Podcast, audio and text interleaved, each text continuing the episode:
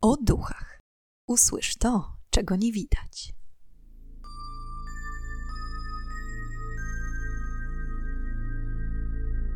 Witam i pytam, czego dusza pragnie. Strasznie miło mi gościć Was na moim kanale. W dzisiejszym odcinku opowiem Wam historię nawiedzonego domu rodziny Beckfordów. A tak dokładnie pierwszą część tej przerażającej historii zrozpaczona rodzina, której na pomoc pospieszyło małżeństwo Warrenów. Jest to kolejny przykład tego, że tablica Wia może posłużyć jako narzędzie do kontaktu z siłami zła. Na wstępie chciałam podziękować za wszystkie subskrypcje, łapki i komentarze. Bardzo lubię z Wami rozmawiać zarówno właśnie w komentarzach, jak również w wiadomościach prywatnych. Jeśli masz pomysł na temat kolejnego odcinka, daj znać. Wszystkie pomysły zapisuję i co jakiś czas nagrywam odcinki zaproponowane przez Was. Ale już bez przedłużania, zapraszam do wysłuchania dzisiejszej historii. Lata 70. Stany Zjednoczone. W domku jednorodzinnym mieszka rodzina Beckfordów. Pete, Sharon i dwójka ich dzieci. 19-letnia Vicky oraz 15-letni Eric. I choć wydarzenia opisane w dzisiejszym odcinku dzieją się w marcu i kwietniu 1974 roku, musimy najpierw cofnąć się o około rok. Osiemnastoletnia wtedy Vicky nie do końca potrafiła odnaleźć się w otaczającej ją codzienności. Nie miała wielu przyjaciół, przez co czuła się samotna i niezrozumiana. Na domiar złego, konserwatywna, religijna rodzina nie dawała jej i Erikowi zbyt wiele swobody. Poskutkowało to tym, że Vicky powoli zamykała się i wycofywała coraz bardziej. Aby dodać sobie nieco rozrywki w codziennej rutynie, pewnego dnia wpadła na pomysł, jak wielu nastolatków zresztą w tamtych czasach, aby spróbować znaleźć towarzystwo w świecie pozagrobowym i wywołać ducha za pomocą tablicy Wia. Jak pomyślała, tak zrobiła. Gdy domownicy położyli się już do łóżek, wyciągnęła tablicę oraz planszetkę i rozpoczęła seans. Zaczęła pytać, czy ktoś tu jest? Nazywam się Vicky Louise Beckford. Czy ktoś mnie słyszy? Z przyspieszonym biciem serca czekała, aż planszetka się poruszy. Po chwili palec wskazujący leżący na wskaźniku drgnął i powoli zaczął przesuwać się, aby zatrzymać na słowie tak. Udało się. Nawiązała kontakt. Od tamtej pory nastolatka komunikowała się ze swoim nowym przyjacielem co noc i z niecierpliwością wyczekiwała kolejnej rozmowy. Duch prawił Wiki komplementy, co niezwykle podbudowywało jej pewność siebie. Często chwalił jej wygląd danego dnia i zapewniał, że dzięki niej jest bardzo szczęśliwy i wreszcie nie czuje samotności, jaka towarzyszyła mu przez ostatnie lata. Opowiadał również, że jest nastolatkiem, który zmarł tragicznie w okolicy, gdy Wiki była jeszcze dzieckiem. Coraz bardziej uzależniał nastolatkę od siebie, wyznając, że ją kocha i gdyby tylko żył, na pewno by się z nią ożenił. Często prosił również, aby Wiki opowiadała, jak teraz wygląda życie na Ziemi, a ta z chęcią relacjonowała mu codzienną rutynę. Z czasem poczuła, że powoli zakochuje się w swoim nowym przyjacielu. Wierzyła w każde jego słowo, każde zapewnienie miłości. Duch był bardzo miły, ale jednocześnie potrafił w trakcie spotkania urwać rozmowę, mówiąc jedynie: do zobaczenia jutro i znikając. Ta trwająca całe miesiące miłość platoniczna, jaką darzyła Wiki do ducha, spowodowała, że powoli uzależniał ją od siebie. Wzbudził jej zaufanie. O dziwo, cała ta znajomość nie była dla dziewczyny podejrzana. Nawet wtedy, gdy przy każdym pytaniu o imię ukochanego, ten potrafił sprawnie wywinąć się od udzielenia odpowiedzi, mówiąc, że zdradzenie swojego imienia zmusi go do odejścia na zawsze w zaświaty. Taki kodeks duchów. Wiki uwierzyła. Po pewnym czasie również wyznała miłość duchowi. Ten odwdzięczał się tym samym i na dowód miłości przekazał informacje na temat kilku wydarzeń na mieście, jakie miały przytrafić się w niedalekiej przyszłości. Gdy te się ziściły, Wiki była zachwycona i jednocześnie jeszcze bardziej emocjonalnie przywiązana. Gdy minął około rok od pierwszej rozmowy z duchem, Wiki odważyła się poprosić ukochanego o wywróżenie jej przyszłości. Był luty 1974 roku. Duch z zachwytem rozpoczął przepowiadanie przyszłości młodej kobiety. Przepowiedział wiele, w tym datę urodzin jej pierwszego dziecka oraz to, że w ciągu kolejnych czterech lat będzie matką już czwórki dzieci. Co zresztą się sprawdziło. Kolejne dni mijały, a uzależnienie Wiki od tajemniczego nieznajomego rosło. Gdy nadszedł 2 marca 1974 roku, zakochana młoda kobieta zaczęła błagać mężczyznę, aby ukazał jej się choć ten jeden raz, gdyż pragnie ujrzeć jego twarz. Jednak jej błagania na nic się zdały. Na domiar złego, od tego wieczoru kontakt z ukochanym całkowicie się urwał. Zrozpaczona Wiki zaczęła przepraszać mężczyznę za swoją nachalność i błagać, aby do niej wrócił. Nie wiedziała wtedy, że w tym momencie zaprosiła go do swojego życia. Nazajutrz rano Pete wybrał się do pracy. Otworzył samochód, usiadł za kierownicą i przekręcił kluczyk w stacyjce. Samochód jednak nie odpalił. Zerknął pod maskę i ku jego zdziwieniu okazało się, że przewody zapłonowe są wyrwane, a pasek wentylatora ucięty. Pomyślał, że to pewnie jakiś okrutny sąsiedzki żart, jednak nie miał czasu się tym zająć w tej chwili i poprosił Wiki o pożyczenie swojego samochodu. Jednak i ten nie odpalił. Zdziwiło to Pita, ale w tamtym czasie jeszcze nie zaniepokoiło. Dojechał do pracy w jakiś inny sposób i cały dzień minął spokojnie.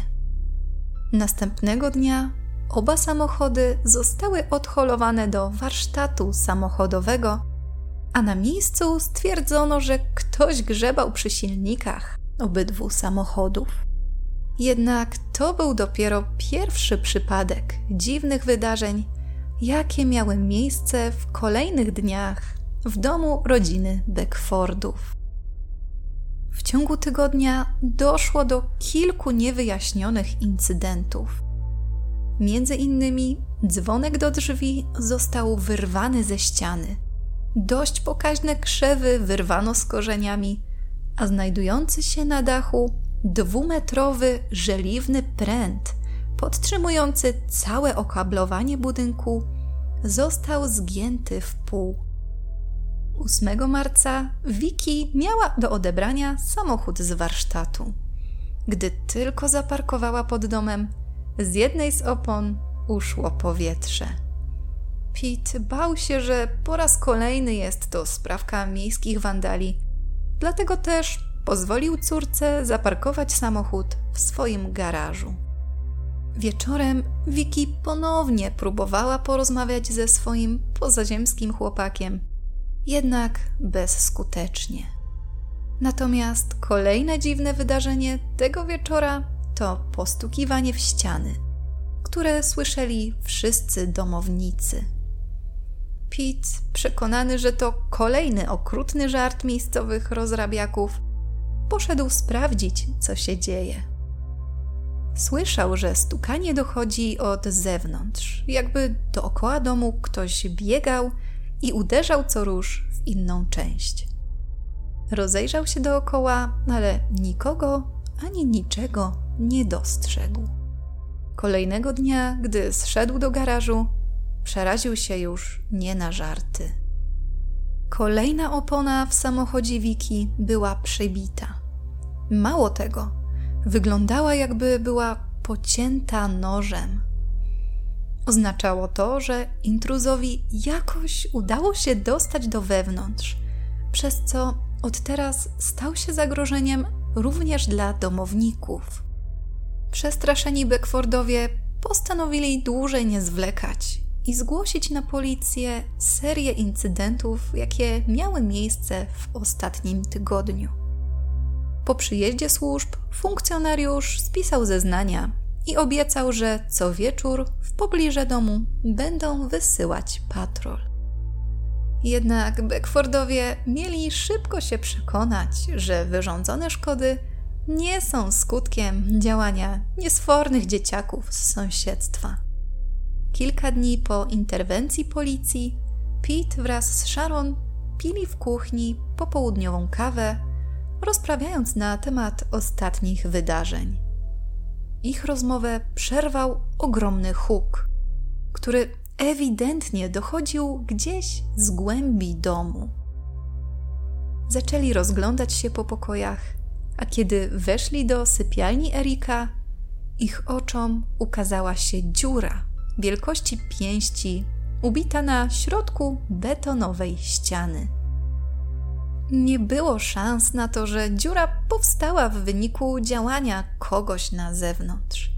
Ten ktoś lub coś na pewno znajdował się w tym momencie w domu.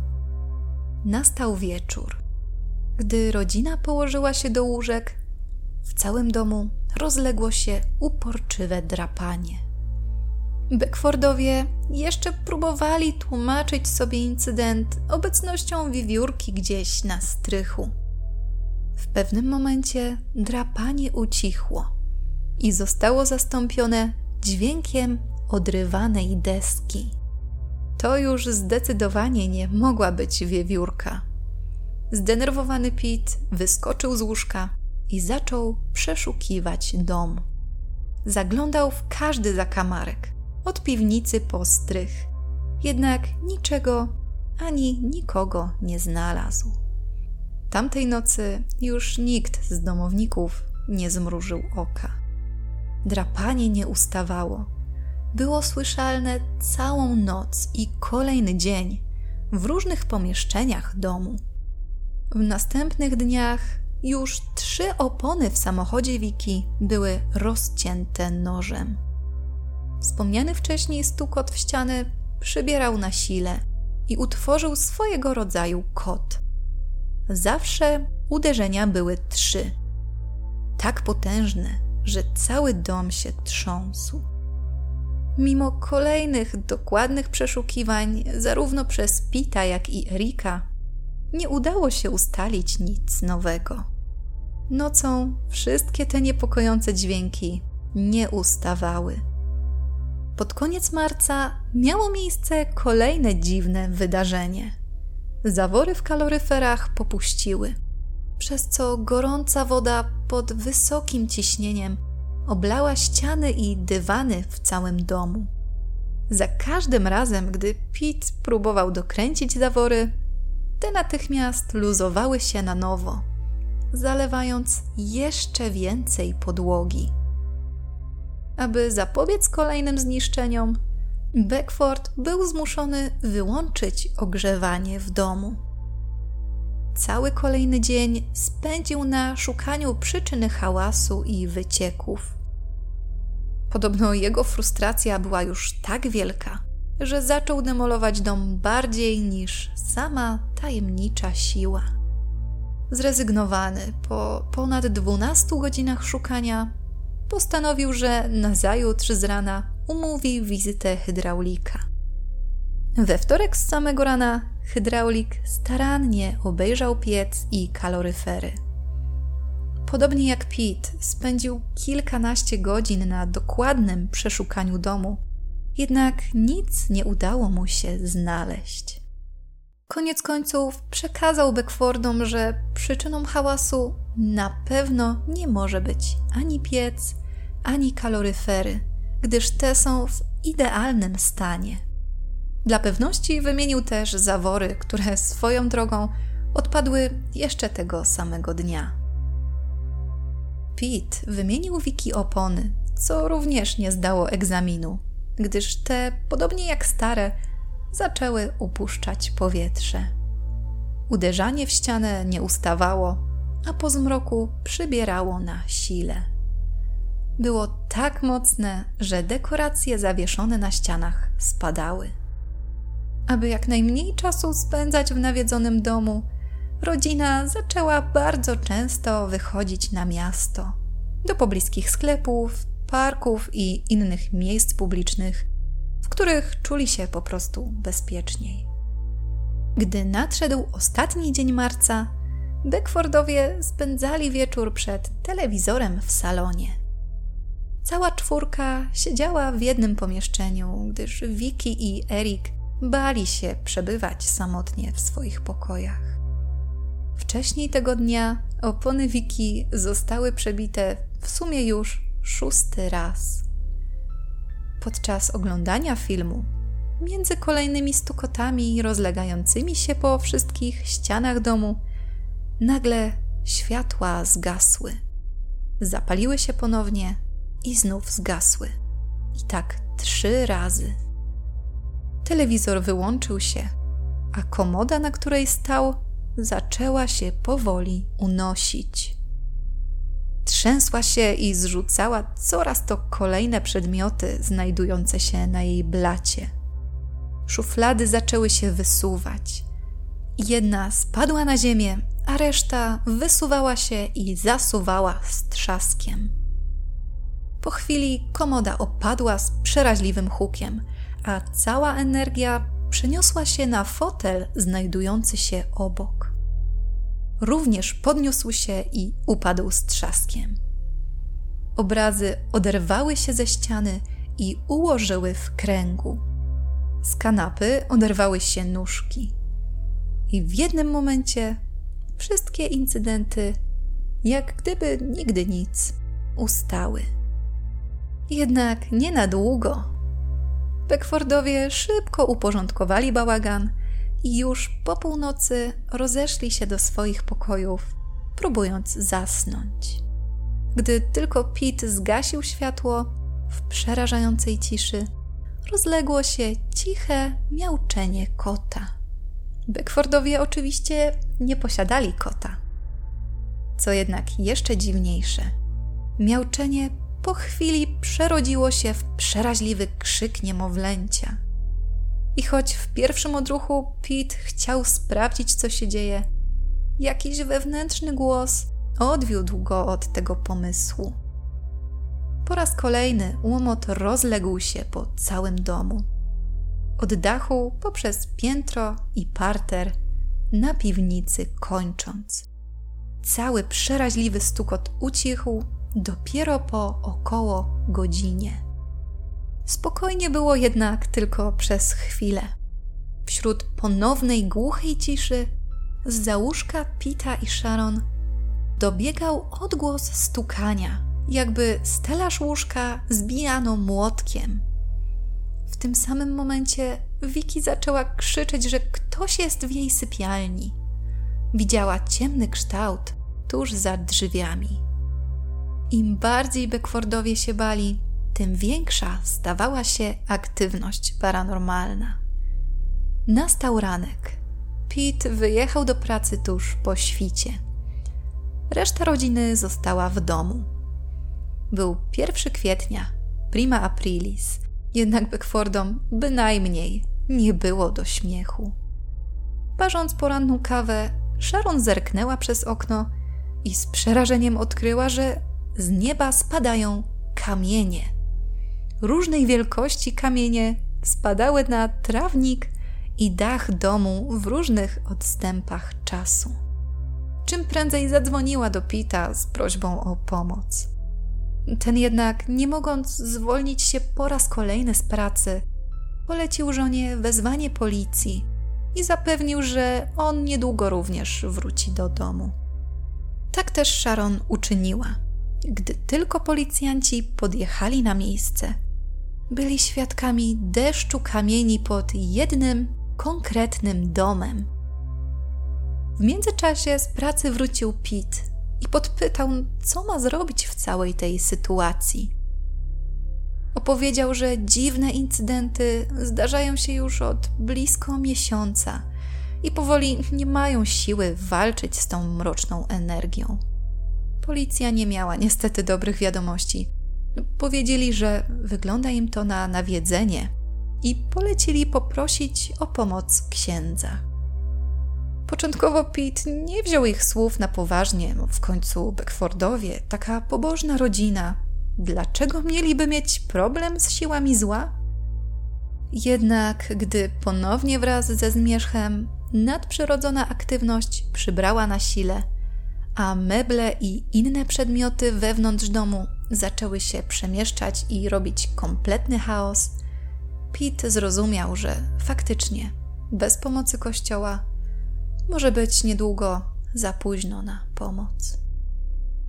Dlatego też następnego ranka skontaktował się ze swoją parafią, prosząc o przybycie duchownego do zdewastowanego już domu. Ksiądz pojawił się u Beckfordów jeszcze tego samego dnia. Jak to często w takich sprawach bywa, podczas pierwszej wizyty nieczyste siły nie wykazały swojej obecności i było nadzwyczaj spokojnie. Przedzierając się między rozrzuconymi przedmiotami, rozszarpanymi poduszkami i potłuczonym szkłem, o dziwo, pierwszą reakcją księdza było stwierdzenie, że rodzina Beckfordów powinna udać się do psychiatry. Mimo zapewnień Pita, że wszystkie zjawiska pojawiają się bez ingerencji domowników, ksiądz nie dał wiary jego słowom. Gdy tylko opuścił dom, incydenty na nowo rozszalały się wewnątrz. Pete kolejnego dnia pojechał do pracy. Zmęczony i zrezygnowany, uznał, że musi się komuś wygadać, bo nie wytrzyma już tego ciągłego napięcia. Padło na jego przełożonego. I ku zdziwieniu mężczyzny, przełożony uwierzył w jego słowa. I pierwsze, co mu przyszło do głowy, to to, że słyszał kiedyś o pewnym małżeństwie o nazwisku Warren. Polecali oni, aby w sytuacji podobnej do opisanej przez Beckforda umieścić w domu w widocznym miejscu jakiś święty przedmiot. Pete, nie mając innego pomysłu, postanowił wypróbować ten sposób i gdy tylko wrócił do domu, udał się do piwnicy po dość pokaźną figurkę świętej Anny. Przetarł ją i postawił w pokoju na piętrze. I w tym momencie znów to usłyszał. Huk i trzaski na parterze. Czym prędzej zbiegł po schodach, aby sprawdzić, co się dzieje. Tym razem hałas dobiegał z łazienki. Meble lewitowały, a wszelkie chemikalia, jakie były w niej obecne, wylewały się na podłogę. Nie miał już sił, żeby sprzątać to po raz kolejny. Wrócił na górę i ku jego zdziwieniu figurka świętej Anny zniknęła.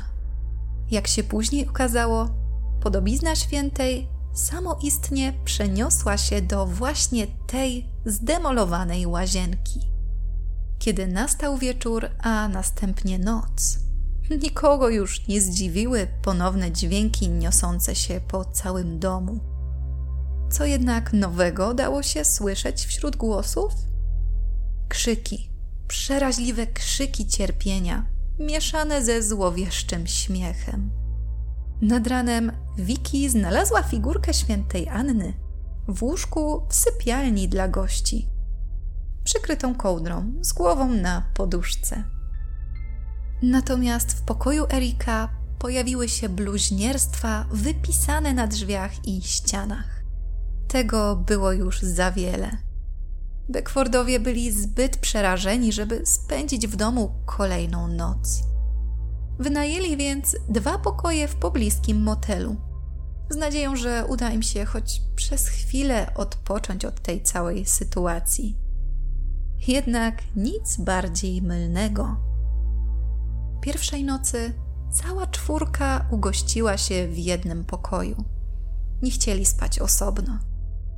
I choć początkowo poczuli takie totalne rozluźnienie, szybko okazało się, że jakiekolwiek zło, które było obecne w domu, podążało za nimi. Wieczorem usłyszeli znajome już pukanie, a światła zaczęły wariować. Gasły i zapalały się na przemian. Jakoś przetrwali do rana, a kiedy wrócili z opłaconego śniadania z motelowej stołówki, widok pokoju przeraził ich nie na żarty. Szuflady były wysunięte, a ich zawartość wylądowała na podłodze. Obrazy były potłuczone, a pościel ubrudzona. Nawet nie zdążyli wziąć się za porządki, kiedy do pokoju zapukał menadżer motelu wraz z pokojówką. Chciał porozmawiać z Beckfordami, na których skarżyli się inni goście, twierdząc, że całą noc dzieci waliły w ściany. Gdy na domiar złego zobaczyli cały okropny bałagan, zasugerowali, żeby rodzina wymeldowała się z pokoju, nim obciążą ich kosztami za szkody. Pete przeprosił za zamieszanie i zapewnił, że to się więcej nie powtórzy. Niestety, kolejnej nocy wydarzyło się dokładnie to samo. Zdenerwowani właściciele motelu nakazali całej rodzinie natychmiast opuścić pokój. Nie mając innego wyjścia, Beckfordowie wrócili do swojego domu. Kiedy przekroczyli próg, ich oczom ukazało się całkowicie zrujnowane wnętrze, a w nozdrzach poczuli smród stęchlizny. Wszelkiego rodzaju płyny, które posiadali Beckfordowie, od alkoholu przez perfumy po płyny do naczyń, wszystko zostało wylane i wsiąkało w podłogę. Dywany, pościel, koce, poduszki, które rozrzucono na podłodze. Ponadto meble zostały połamane, a na ścianach widniały wielkie napisy koloru czerwonego, rzucające bluźnierstwa przeciwko Bogu. Kolejnego dnia, 7 kwietnia 1974 roku, przypadała Niedziela Palmowa. Beckfordów odwiedził brat Pita, Terry, wraz z żoną i dziećmi. Ta niezapowiedziana wizyta nie ucieszyła Beckfordów, choć w normalnych okolicznościach z chęcią spędziliby dzień z rodziną brata. Mimo to ugościli Terego, o ile można to tak nazwać, w niemal doszczętnie zdewastowanym domu i bez zbędnej zwłoki Pete zaczął opowiadać, co takiego się dzieje w ich domu od dłuższego czasu. Początkowo brat przekonywał pozostałych, że na pewno da się to wyjaśnić racjonalnie. Rodzina zjadła spokojnie obiad i w tym czasie nie wydarzyło się nic niepokojącego. Później Terry pokazywał swoje zdjęcia z wakacji z rodziną. Ogólnie atmosfera była miła i wszyscy lekko się rozluźnili. Do czasu. W pewnym momencie Wiki z krzykiem podskoczyła w fotelu, wskazując na ścianę naprzeciwko niej. Ze ściany wyciekała woda. Światła na nowo zaczęły wariować i co chwilę się wyłączać. Walenie w ściany rozległo się z dużą siłą i było słyszalne z różnych miejsc w domu. I choć Pete wraz z Terem zaczęli rozglądać się po pokojach, niczego nie znaleźli. Dekoracje pospadały ze ścian, a cały dom drżał. W tym momencie uwierzyli Pitowi. Żona Terego poprosiła, aby ci jak najszybciej opuścili dom szwagra. Tery zgodził się i polecił Pitowi, aby ten znalazł pomoc u innego księdza, gdyż sprawa wygląda naprawdę poważnie. Pete był załamany. Nie miał pojęcia, u kogo szukać pomocy. Na domiar złego, między Wiki i Erikiem nawiązała się pyskówka. Czuć było, że dom ma zły wpływ na ich samopoczucie. Pete próbował uspokoić dzieci, które po chwili otrząsnęły się z transu, a Sharon zalała się łzami. Powiedziała, że ona więcej już chyba nie wytrzyma i że muszą znaleźć pomoc. Kiedy nastał 8 kwietnia, rodzina Beckfordów była już na skraju załamania nerwowego. Pete, wyglądając po raz kolejny przez okno w kuchni, nagle jakby doznał olśnienia. Przecież nieopodal ich domu znajduje się klasztor. To ich ostatnia deska ratunku. Nie czekając ani chwili, ruszył w stronę zakonu. Wewnątrz przywitał go mnich, który cierpliwie wysłuchał opowieści o nawiedzonym domu. Pete poprosił zakonnika, aby razem udali się do niego, zobaczyć to pobojowisko na własne oczy. Zakonnik zgodził się i od razu ruszyli razem w stronę domu. Na miejscu duchowny zastał zdemolowany, piękny i przestronny dom. Napisy na ścianach, potłuczone szkło i inne zniszczone przedmioty. Duchowny od razu domyślił się, co się dzieje w tym miejscu. Zapytał Pita, czy ten wierzy w istnienie demonów. Pete przyznał, że odkąd niewyjaśnione zjawiska przydarzają się w ich domu, jak najbardziej wierzy w istnienie zła pozaziemskiego. Zakonnik poinformował Pita, że on osobiście nie jest w stanie im pomóc, jednak postara się załatwić numer do człowieka imieniem Ed Warren, który wraz z żoną mógłby rozwiązać ich problem. Pete już słyszał owe nazwisko i bez wahania poprosił mnicha o podanie numeru. Wrócili z powrotem do zakonu. Duchowny wykonał jeden telefon i już miał numer do pary demonologów. Polecił skontaktować się z nimi jak najszybciej. Pete tak też uczynił. Telefon odebrała Judy, córka Warrenów. Przekazała, że niestety rodziców aktualnie nie ma w domu i że powinni wrócić za około pięć dni. Obiecała przekazać informacje od Beckforda, gdy tylko się pojawią. Roztrzęsionej rodzinie nie pozostało nic innego, jak tylko czekać. Całe pięć długich i strasznych dni. Jest to koniec części pierwszej o historii Beckfordów. Jeśli jesteście ciekawi, co działo się po przybyciu Eda i Lorraine Warren do zrozpaczonej rodziny, koniecznie zajrzyjcie na kanał o duchach w przyszły piątek o godzinie 19. Do usłyszenia